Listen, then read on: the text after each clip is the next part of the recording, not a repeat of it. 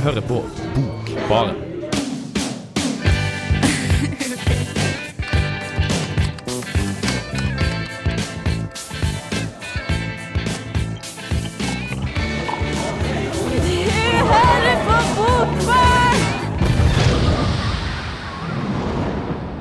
Hallo og velkommen til Bokbaren her i påskeuka. Eh, Dagens sending kan omtrent ikke bli noe mer lokal. Den handler utelukkende om trøndersk poesi. Og Litauen. Og Litauen, eh, men da gjennom det her filteret av trøndersk poesi. Du har så rett. Jeg har som vanlig med meg Martin Ingebrigtsen. Hei. Idun Fivelstad. Hallo. Og vi skal lede dere gjennom en time, eh, en ganske spissa time, eh, om ting som vi er veldig interessert i, og som vi syns at du også bør eh, få med deg. Eh, det her er da hovedsakelig Gunnar Wærnes og Rune F. Eh, Hjemås som har vært på to To arrangementer som, som Studentersamfunnet har vært ansvarlig for. Men først så skal vi høre The International Tussler Society med The Skies Are Full of Wine. Nei. Nei, det skal vi ikke. Vi skal vente litt, og så skal vi få høre det. Eh, Jeg kan jo for så vidt si at det her eh, var jo en kjempebra låt eh, på, på, på en EP som Motorpsycho ga ut på slutten av 90-tallet.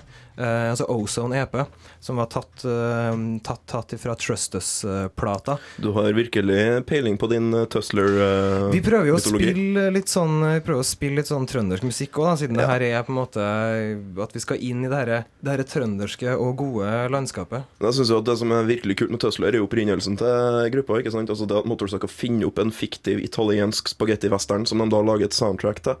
Ja, Den ble vel aldri eh, laga? Det var noe med det? Uh, nei, altså, Så vidt jeg har forstått det, så var dette her bare noe de fant på. Ikke sant? Her kommer det. Her kommer det. Her kommer det. The Skies Are Full of Wine med International Tussler Society.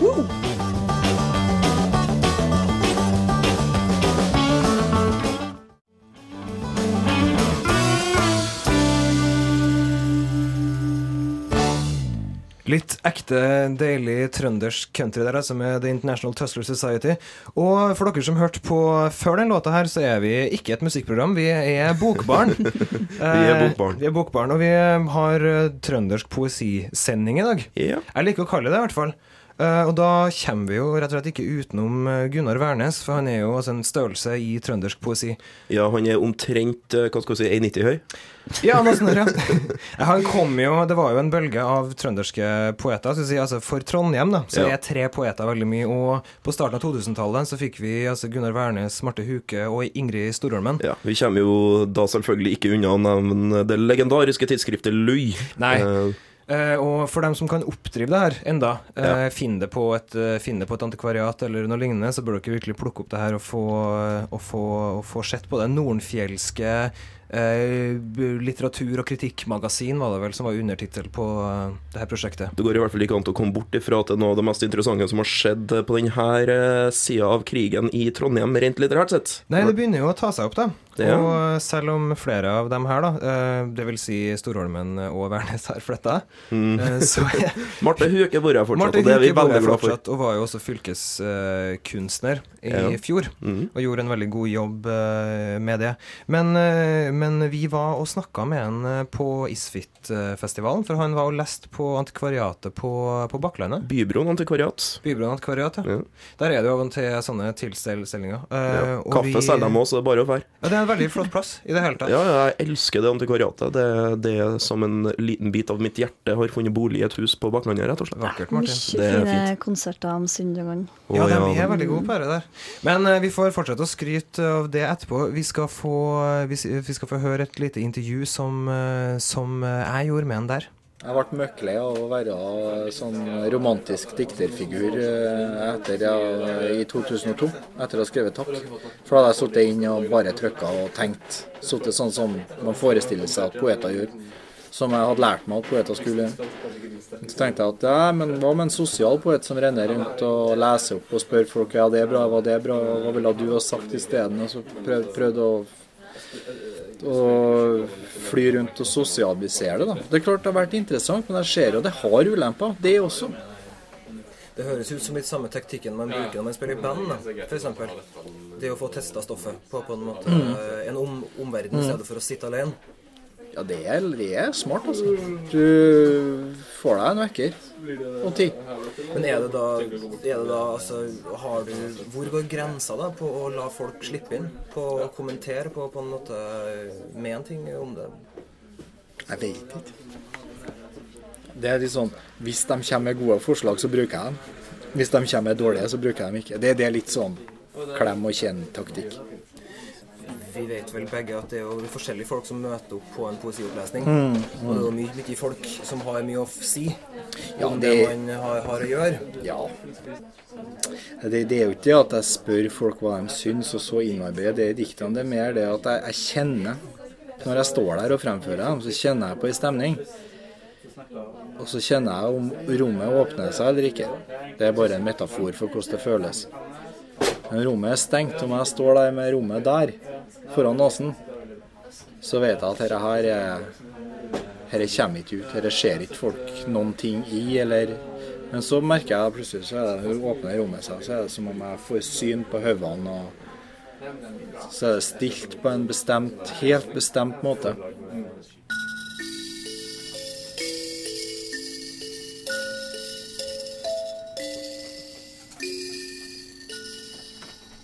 We plant a forest in the course of three years. The trees will yield shadow and timber for building.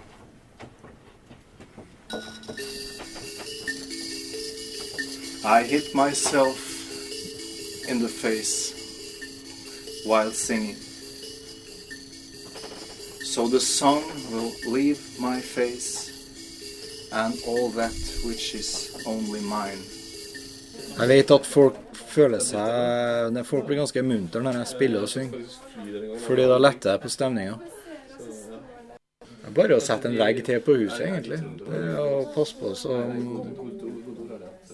Og ofte så er det sånn bakgrunnsstøy som det kan være greit å å liksom lage et rom for å, for å fase ut det. Men er det knepp stilt i et rom, f.eks., en sånn scene, så er det, blir det der forstyrrende plutselig. Så det er Hva er det heter det instrumentet? karimba. Det er jo en Det syns syns jeg det er flere ting som ligner, som er, ligner på en lyre ved det. Eh, Det er umulig å ikke trekke den slutninga. Skulle vært veldig ignorant å ikke trekke den slutninga. Ikke sant?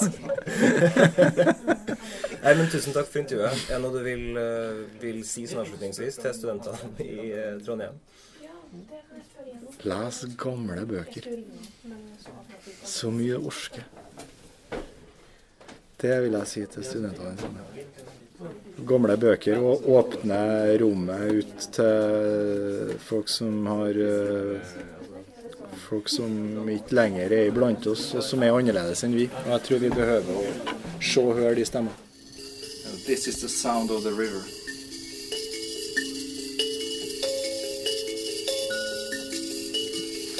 When I was the letter A,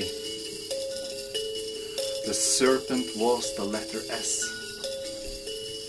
As the serpent bit the alphabet. This is how the river rises.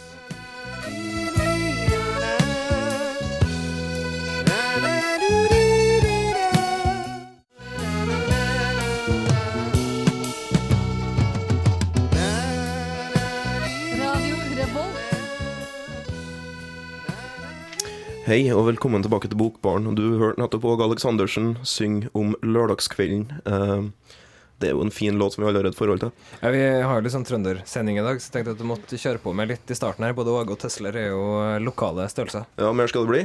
Mer eh, Nei. Nei. Eh, Det skal, skal, ikke bli noe mer nå. Jeg nå. Nei, vi skal jo prate litt, eh, litt sånn litt, litt om stilen til en, til en Værnes, for det er jo litt viktig her. her. Det det. Han har også hatt en utvikling. Altså Han debuterte i, i 1999 med Kongesplint, som han vant Vesas for. Mhm. Og så fulgte opp med Takk, og, og, og, og i eh, 2002. Og så Hverandres 2006. Og så den siste boka han har skrevet, er Bli verden, som han vant eh, altså en nykommerpris i sånn tegneseriesjanger for. Ja, det er veldig veldig interessant. Og igjen, litt tilbake til Louis. Eh, Når man kikker der, så ser man at dette her, eh, den formen han kommer i Bli verden, det er noe han har drevet med ganske lenge. Han har holdt på siden, altså holdt på siden, eh, siden 2004 eller noe sånt, mm. med et prosjekt som het Becoming the Thing. Ja. Eh, så her har vel også vært utprøvd, sånn som han sa i, eh, sånn som han sa i det intervjuet her, at han eh, liker å komme seg ut og på en måte og se hva folk syns om det han gjør i arbeidsprosessen. Ja, du kan jo si det til lytterne våre at dette her er en veldig sånn veldig særegen stilisert type tegneseriekunst, hvor dialogen foregår i, i, i lyrikk, rett og slett. Og det er veldig vanskelig å forklare hvordan det her ser ut, uh, fordi det er såpass stilisert og såpass egent. Det Minner, minner meg om sånne gamle grafiske romaner som 'Unsummand Bont og sånn. Ja, altså det her er på en måte kollasjer. Det er det som er, altså det er sånn uh, Altså av den typen har jeg tatt gamle reklametegninger, gamle illustrasjoner uh, og lignende, og klippet det sammen og laga sine egne ting ut av det. Så satt uh, da altså dikt da, som er klippet opp og limt inn i snakkebobler osv. til på en måte det her. Ja, vi får til en så vanvittig fin balansegang på det òg, for det tar liksom ikke bort noe av fokuset på lyrikken, føler jeg, når jeg leste uh, Bli. Nei, han er veldig god på de her enkeltlinjene, syns jeg. Ja. Uh, og selv om han ikke alltid er like stødig, så har han veldig sterke sånne one-linere. Mm. Uh, som, er, som er Altså, en av dem her eh, som jeg har merka meg ved, er Før i tiden gikk det 40 sjeler på ett menneske. Ja, ikke sant. Uh, så fantastiske sånne der som på en måte blir sittende, da. Og det passer veldig til det her tegneseriegreiene han har, for det er veldig sånn tidløst design på det. Mm, og som lytterne våre sikkert la merke til i intervjuet, så er Gunnar Wærnes veldig veldig dyktig til det der å kombinere ytre innflytelse på lyrikken sin. Vi hørte at han spilte på et eh, rart eh, type instrument. Afrikansk som, ja, karimba, ikke sant. karimba, ja. Og det fungerer jo så vanvittig bra. Han er flink der å inkorporere ting. Ja da, han er en veldig møtekommende poet, og han kan høres litt spesiell ut, men han er egentlig ikke det, altså. Eh, jeg på mange måter liker han bedre i bøkene enn live, men det er min, altså, fordi at jeg eh, fordi at det her blir på trøndersk, og man blir veldig sånn eh, Han leser på trøndersk, så man blir veldig Ja. sånn tenke over sin egen greie når man, eh, når man hører det. Vi skal gi dere sjansen til å få en ny uh, lytt med den. Her kommer et utdrag eh, som han også leste under Isfit, fra samlinga si fra 2006 som heter 'Hverandres'. La oss kalle spurven fugl, men bare når den flyg. Ikke når den sitter og skrik 'gi meg brød'. Er du redd for meg? Lille brune spurv, når jeg tenker er du tomhendt når du ingen hender har. Dine vinger bærer deg i lufta. Jeg vil fly som du, men bær mine tanker, de veier ikke stort. Men held meg på bakken.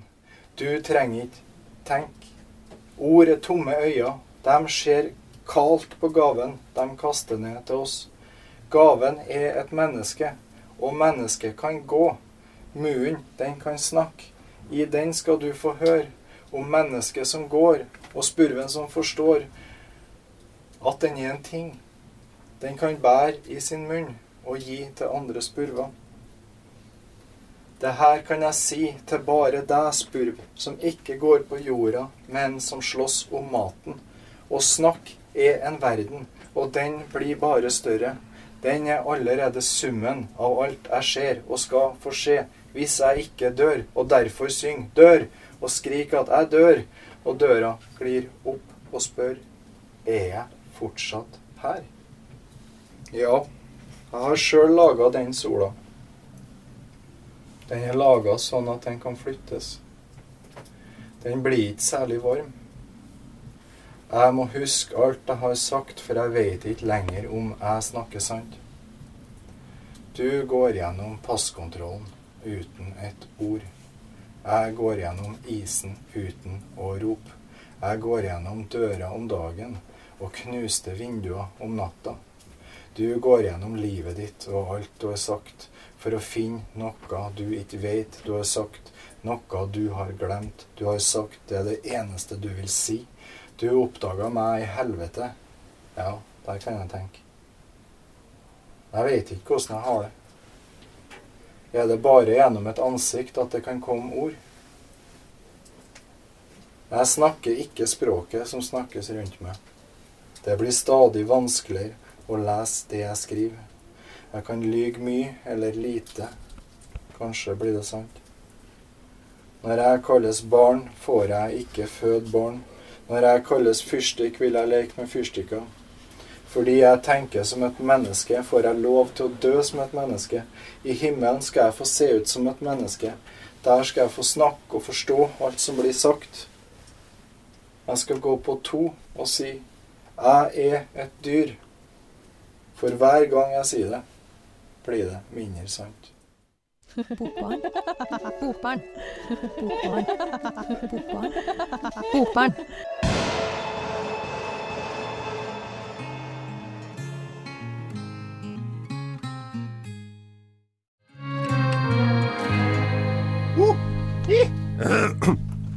Radio Revolt.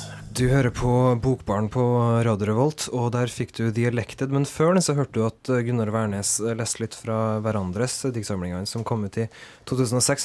Men nå skal vi over til en annen trøndersk eh, forfatter. Han er da ikke poet, men kortprosaforfatter i den. Ja, han heter Rune F. Hjemås. Er Vi det noen som vet hva en F-en står for? for eksempel? Fredrik? Frank. Rune Fredrik hjemme hos oss. Ja. Frode. Ja, sikkert. Nei, vi har jo, vi har jo I høst så var jeg litt begeistra for den her, for den var jo eh, Den hadde jo kommet ut da. Eh, og så har jeg på en måte stressa folk for å lese den litt. Og nå har du jo fått lest den. Ja, jeg er ikke redd. Jeg er ikke redd. Og jeg likte den kjølig godt, sjøl om jeg leste den eh, bare på bussen att og fram. Ja, men det er litt sånn bok, er ikke det? Det er det. Uh, jeg tror kanskje at det forsterka inntrykket litt av den. Den er delt opp i fire deler, og alle omhandler litt uh, det å vokse opp og være ung voksen, som, uh, som er både stengutt og litt turt samtidig. Jeg syns jo han er jo fra Heimdal. Uh, han her òg. Gunnar Wærnes er også fra Heimdal, for så vidt. Men, eh, og jeg syns jeg kjenner igjen på en måte mye av det. Kan jo at jeg legger mye i det, da, fordi at, det er, for at jeg vet det. Men han beskriver jo sånn type situasjoner. Han er ikke så mye eldre, eldre enn oss heller, så han har liksom mye av samme erfaringene, tenker jeg. Mm, det er derfor jeg tror jeg klarte å leve med, leve meg inn det, sjøl om jeg satt på bussen. Og det var slik som du tidligere har nevnt, at uh, du ble litt bekymra da du skulle lese den boka, for en så så emo ut. Ja. Jo, jeg, var- jeg syns det er fantastisk. Jeg var jo til og med sitert på Samlaget sine sider. Altså, du er hype. Ja, Ved å si at jeg- Rune F. Hjemås ser emo ut Ja. på lufta, så er det med å hype boka. Det er veldig Så fint. er fantastisk innsats fra Samlaget si, si side. Men vi hadde den på besøk her når vi hadde Tapefestival. Mm, det har oss. Han stilte ei adjektiv eh, fortelling, så jeg har laga sak på, så kommer etterpå. Ja, for vi var jo Vi, vi spurte han jo om, eh, om han kunne skrive en adjektivfortelling som eh, publikum kunne fylle ut, da. Mm. Og så var vi vel kanskje ikke helt fornøyd med resultatet på sendinga. Nei, det ble litt pinlig, og så var ikke han så dyktig til å lese, og så forsto han ikke alt som var, og så hoppa han over et par liner, og så Derfor så har jeg stilt en ny versjon. Det her var var understreket at det ikke var Rune F. Ja, Hjemås som Ja. leste her, men en eller annen klodre og noen Stakkars, standup-komiker. eh, Stakkars standup-komiker som fikk det her i oppgave. Men det er en annen vise. Eh, og nå skal vi prøve å rette opp dette her, og gjøre litt ære på, på den som æres skal. Altså da Rune Hjemås som har skrevet en adjektivfortelling for bokbarn. Ja. Og som da publikum på Giske-kompotten, som programmet vi hadde hett, var med eh, å fylle ut. Jeg våkna. Pulbare bilder hang igjen til hodet. Jeg prøver å huske på om de var fra en drøm, eller om de representerte noe som virkelig har skjedd. Ut var himmelen snærfull. Jeg vet at det høres snøgrønt ut, men det er noe jeg allveg bruker å tenke på når det er mektig. Ei slags illeluktende slang.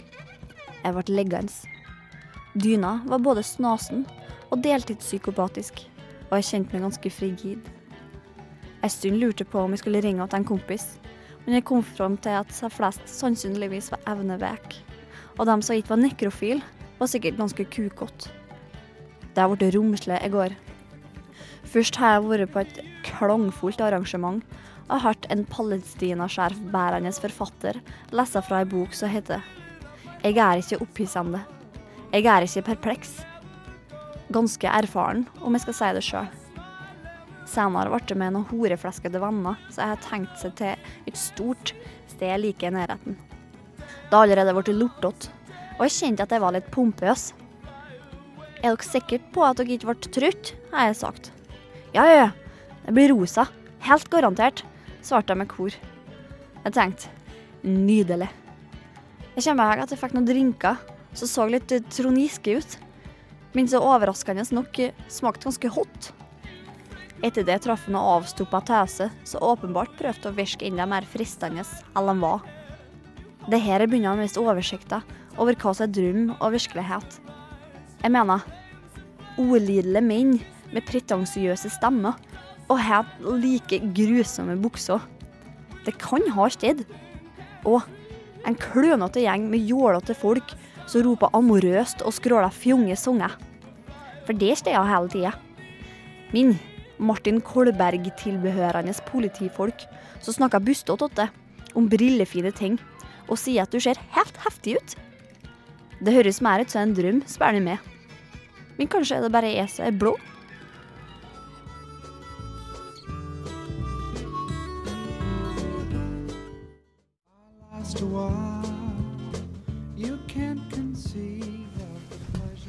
Der fikk du adjektivfortellinga som, eh, som Rune F. Hjemås hadde skrevet eksklusivt for eh, Bokbaren.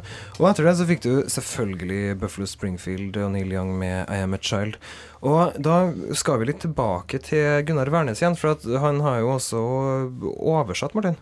Det har han. Eh, nå nylig, på tampen av i fjor, så oversatte eh, Gunnar Wærnes ei eh, dikt i utvalg ei, Svopp. Ei dikt i utvalgssamling eh, av en eh, litauisk dikter som heter Sigitas Parulskis. Og vi har jo begge to, lik, vi har begge to fått litt sansen for det her. her. Ja, nei, vet du, Sigitas er en veldig tøff poet. Han er mm, Hva skal vi si? Han er en eh, del av en spennende generasjon, eh, ikke bare i Litauen, så vidt jeg har forstått. Jeg har lest veldig lite litauisk litteratur, jeg må innrømme det.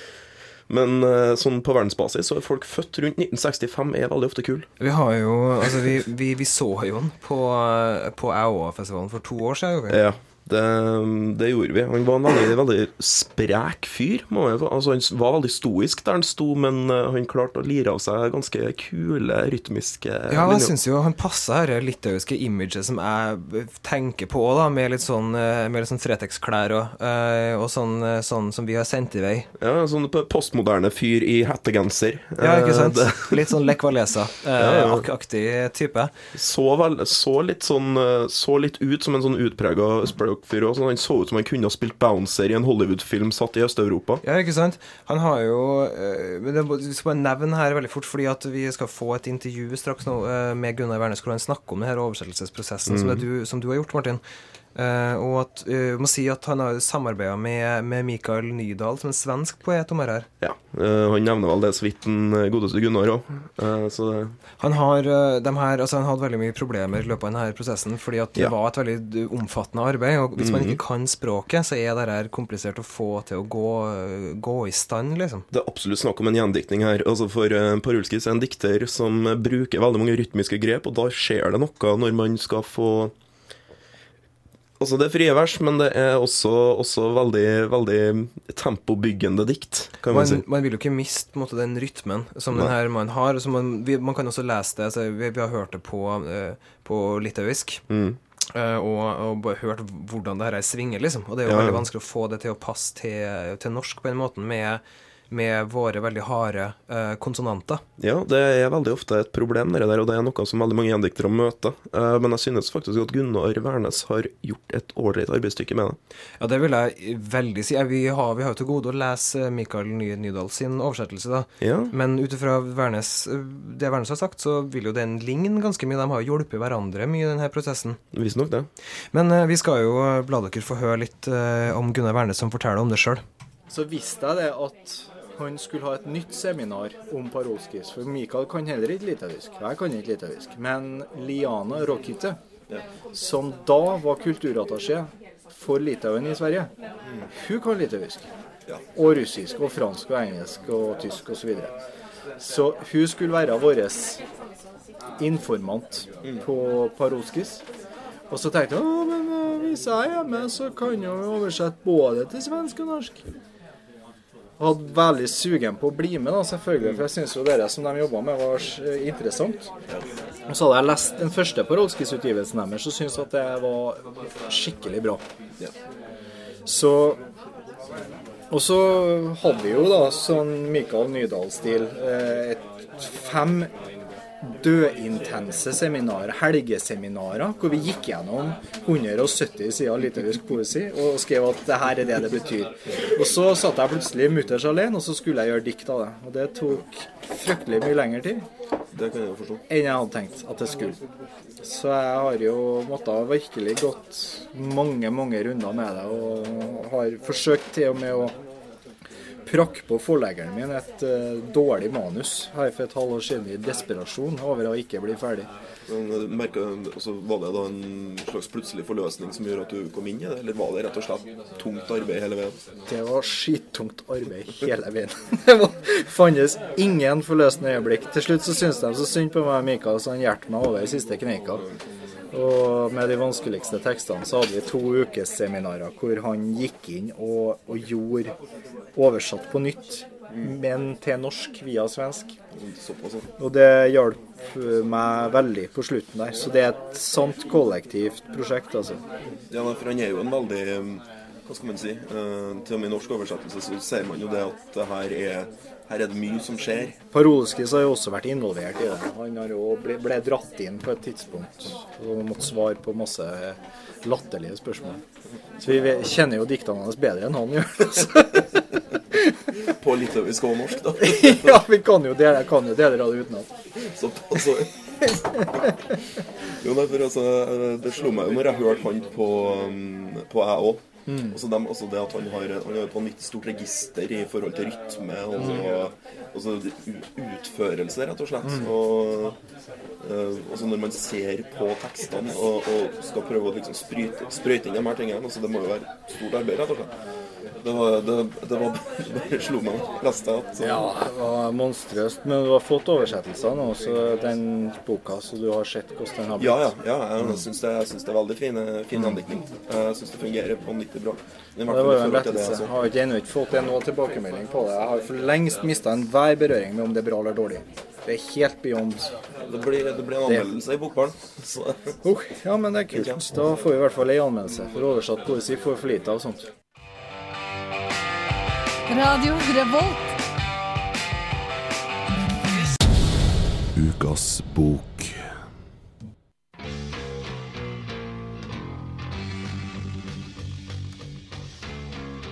I 2007 var den litauiske dikteren Sigitas Parulskis en av gjestene på Æ Å, lyrikkfestivalen i Trondheim.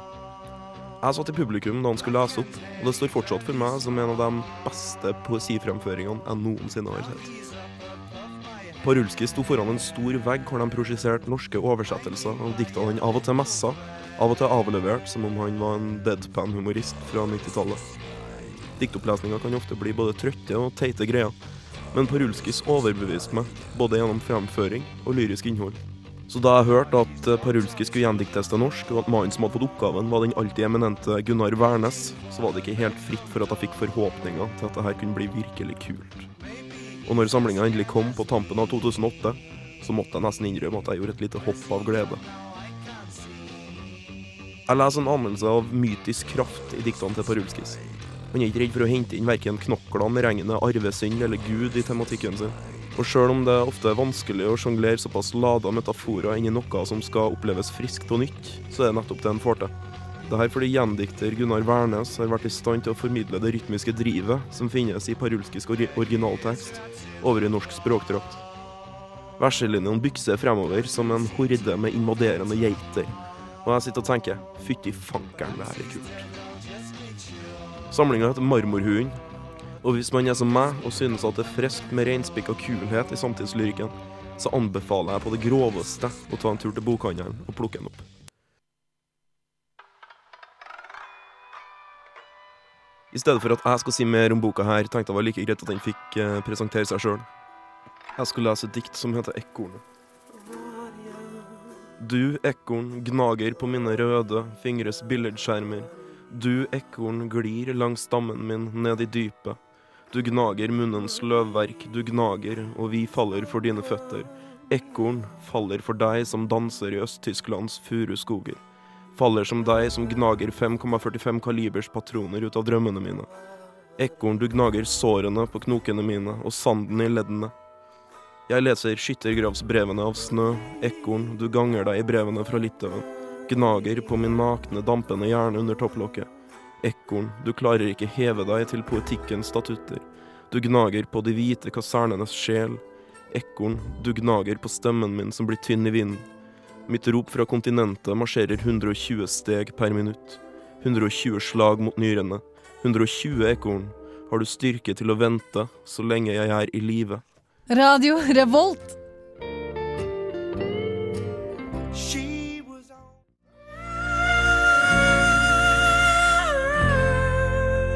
Du hører på Radio Revolt, studentradioen i Trondheim.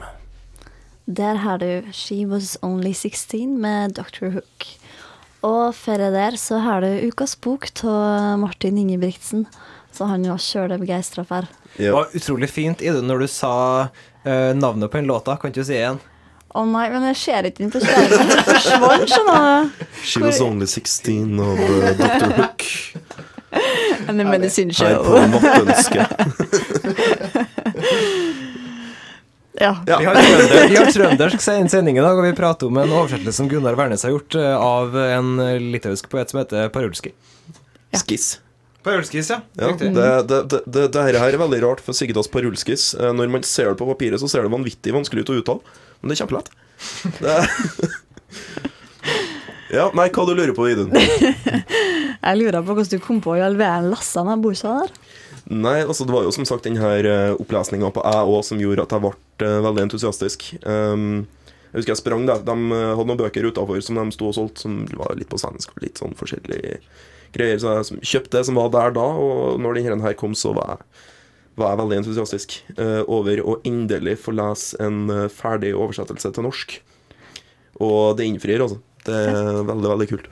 Hvis du er fornøyd med Værnes sin eh, Jeg er veldig fornøyd med Værnes eh, både som menneske, dikter og oversetter. Eh, Ja, voldsomt. Gjennomført flott fyr. Men da, Idun, du, har hørt, du har jo egentlig bare hørt det som Martin leste opp i saken her nå. Men hva, hva var inntrykket ditt av, av, av poeten, liksom? Jeg syntes han var fin. ja. Han eh, var ganske svevende, så jeg var, var egentlig litt redd for at han skulle miste fotfestet. Og han var sjøl dyktig til å lese på trøndersk, syntes jeg, Mm. i forhold til da engelsken. Ja, det- Nei, det her er jo Altså, jeg vet ikke hva det er med ekorn, jeg. Ekorn er liksom en sånn Det er flere poeter. altså Brune Kristiansen har et fantastisk dikt om et ekorn eh, i, i, i trær som vokser seg i skakke i skyggehager, eh, som du husker resten av livet, bla, bla, bla. ja, Eh, den, eh, den vanvittig lange tittelboka. Ja, eh, men det er ekorn som springer over veien. Og får å bare dra den enda lenger, så vet vi jo at Rattatosk, altså det her er det trønderske litteraturmagasinet, Ja. er jo også da Ratatosk er navnet på ekornet som var budbringer fra gudene og til menneskene. Ja, nei, som, eh, og det her er jo også litt interessant i forhold til, til diktet. Hvis vi skal begynne å analysere, så springer jo det her ekornet ned på stammen min. Eh, nedover stammen min, som det står i diktet. Så jeg har jo en sånn Yggdrasil-Ratatosk-parallell man kan lese inn. Og den er ganske fin, den òg. Han skriver mye om sånn jordbruk og ting. og sånn. Altså, Han er veldig sånn, han er, han er en jordas mann. Han er en jordas mann. Han er en eh, han er, han, altså, Det her er noe av det som fascinerer meg med, med Parulskis. Altså, han har veldig håndfaste metaforer. Han bruker veldig klare motiver. Uh, og veldig altså, han, han altså, igjen altså, kommer er ordet filmatisk inn. ikke sant? Altså, han bruker veldig krystallklare bilder. Og så, og så snekrer han dem sammen med de løpende tekstene sine. Eh, Vi har, snakket, vi, har, vi har jo spilt en del country uh, Mm. i dag, og vi snakka jo før om sendinga her med hjulspor i sjela. Ja. uh, det er jo noe som kanskje Paulskis uh, kunne ha laga en variant av. Tror du det? Ja, altså han har en del sånn med frossen jord og en del med altså, sånne ja. Og jeg vet ikke om det her er litauisk eller ikke, men jeg får jo en sånn følelse av Øst-Europa gjennom det han skriver. Jo, jo. Nei, for det, det er litt som det, det er litt som litterær klesmør her, her føler jeg. Altså det, er- når man leser Parulski, så er det veldig mye forskjellige, um, forskjellige tradisjoner som kommer inn. Og så, som, jeg, som jeg sa i anmeldelsen, så får jeg en slags anelse, bare sånn, et hint av noe mytisk. Uh, Og så han prøver seg på en måte å komme med Skal man si uh, ja, altså, det, altså, det, altså Han prøver seg med en slags, med en slags bibelsk retorikk av og til. Altså, det er veldig tunge metaforer, men det er et såpass såpass race gjennom det at eh, det stygge blir blanda med det fine, det lave med det høye, og gjennom dette her så er vi stemmen som driver det fremover. Jeg tror også det er noe med den her ortodokse kristendommen som vi kanskje ikke har helt grep om uh, her i Norge. Mm. Og litt, litt vanskeligere for å forstå uh, den mystikken og det som på en måte foregår ja. med det her, med ikoner og alt mulig sånt. Jeg synes jeg eh, blir litt fremmed i en del av de tingene han gjør, men det er jo veldig spennende også, for så vidt. Ja, og det, det, liksom, det, der er vi også inne på enda en ting med her, her med mystikken. For altså, hvis jeg får lov til å være litt svevende sjøl, så har Parulskis en eller annen unik måte å fjerne mystikken samtidig som en beholder den på. Mm. Og det er, det er veldig interessant. Også det, jeg har vanskeligheter for å være konkret når jeg snakker om poesien hans, fordi det er såpass uh, tungt. da. Det har noe med kommunisme og kristendom å gjøre, tror jeg, så, sånn uansett. Ja, men vi skal fortsette her, countryvibben eh, vi er på. Skaker få høre Fleet Foxes med White Winter Hymnal.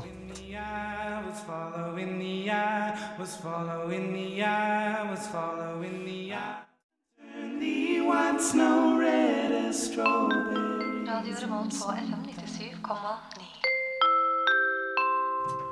Hei og velkommen tilbake til bak Bokbarn. Eh, der fikk vi Fleet Foxes i høytidsstemning med White Winter Hymno. Uh, vi begynner å nærme oss avslutningen av uh, kveldens sending, og Mathias Samuelsen, hva har vi lært i kveld? Vi har lært at det fins mer eh, nord for eh, Dovre enn bare, enn bare fiskerbåter og, eh, og, og, og slagsmål utafor Utafor bedehuset. Det finnes i hvert fall en fyr som heter Gunnar, og en fyr som heter Rune. Det fins en fyr som heter Gunnar og en fyr som heter Rune. Vi skal ikke diskriminere en hel landsdel bare fordi at vi er fornøyd med oss selv i dag. Eh, men eh, vi har også fått lest opp denne adjektivfortellinga som, eh, som hjemme uh, laga til oss. Hva syns du egentlig om den? i, Jeg syns han virka virker kjempesøt, jeg. Idun er litt sånn forelska i en, eh, i en skjønner Nei, men her er jo altså, det, Vi fikk jo faktisk Det er jo ganske sporty av henne å gjøre det. Ja, tusen takk, Rune. Ja, tusen takk, Rune Hjemmeås. Du er velkommen tilbake neste gang. Du gir ut noe, og ellers også. Mm, og du skal få en cola. Ja, i hvert fall. Ja. Men vi hadde liksom eh, Det her er jo Altså, for det første så skulle publikum være med på dette her, eh, så det kunne ha blitt hva som helst, liksom. Og vi husker vel alle de adjektivfortellingene fra barneskolen og sånn. Ja. Ja, de var masse litt finere, de tykte jeg, for nå eh, tok det litt av. Og jeg tror kanskje folk har glemt hva adjektiv er siden ungdomsskolen. Så det var noen merkelige forslag der, altså. Du vet at syntaksen eh, sitter, eh, sitter løst i eh, Nei, men det er ikke alltid så greit. det. Det var mange som skrev Trond Giske og sånn, husker jeg. Det var eh, Veldig rart. det, Altså, Trond Giske er ikke et adjektiv. Men han så smitta det inn på en ganske fin måte, egentlig. da. Ja, ja, Han ja. er politisk figur og danseminister. Eh, Ja, han er det. Ja. Eh, det. Det skal jo på en måte ha også en, eh, også en pirkeskuldre her til, til, til kulturministeren vår. Vi har jo tross alt Det er jo han som passer på det vi eh, holder på med. Takk til deg, Trond. Ja, ja, ja, ja. Nei, men eh, vi skal vi begynne å, som Martin sa, nærme oss slutten, og vi skal takke dem som har vært med og laga sendinga i dag. Mm. Eh, jeg heter Mathias Samuelsen. Idun eh, Fivelstad har prata. Hallo. Martin Ingebrigtsen har også prata. Ha det bra. Og Martin Larsen har vært tekniker. Eh, Den stille Martin Larsen har vært tekniker. Og vi eh, vi- Ikke sant? Dere får, dere får fortsette å ha en forferdelig god eh, påske. Vi håper dere får lest masse fine bøker og får gått på ski og høre oss. Studentene er jo ute av byen, men vi håper jo likevel på at noen kanskje har da blitt igjen, eller er så trofast at de får hørt dette her på nett. Vi har jo en streaming eh, på hjemmesidene våre. Her eh, skal du få en av de kuleste sangene noensinne. 'Flying Burrito Brothers' med Christine's Tune.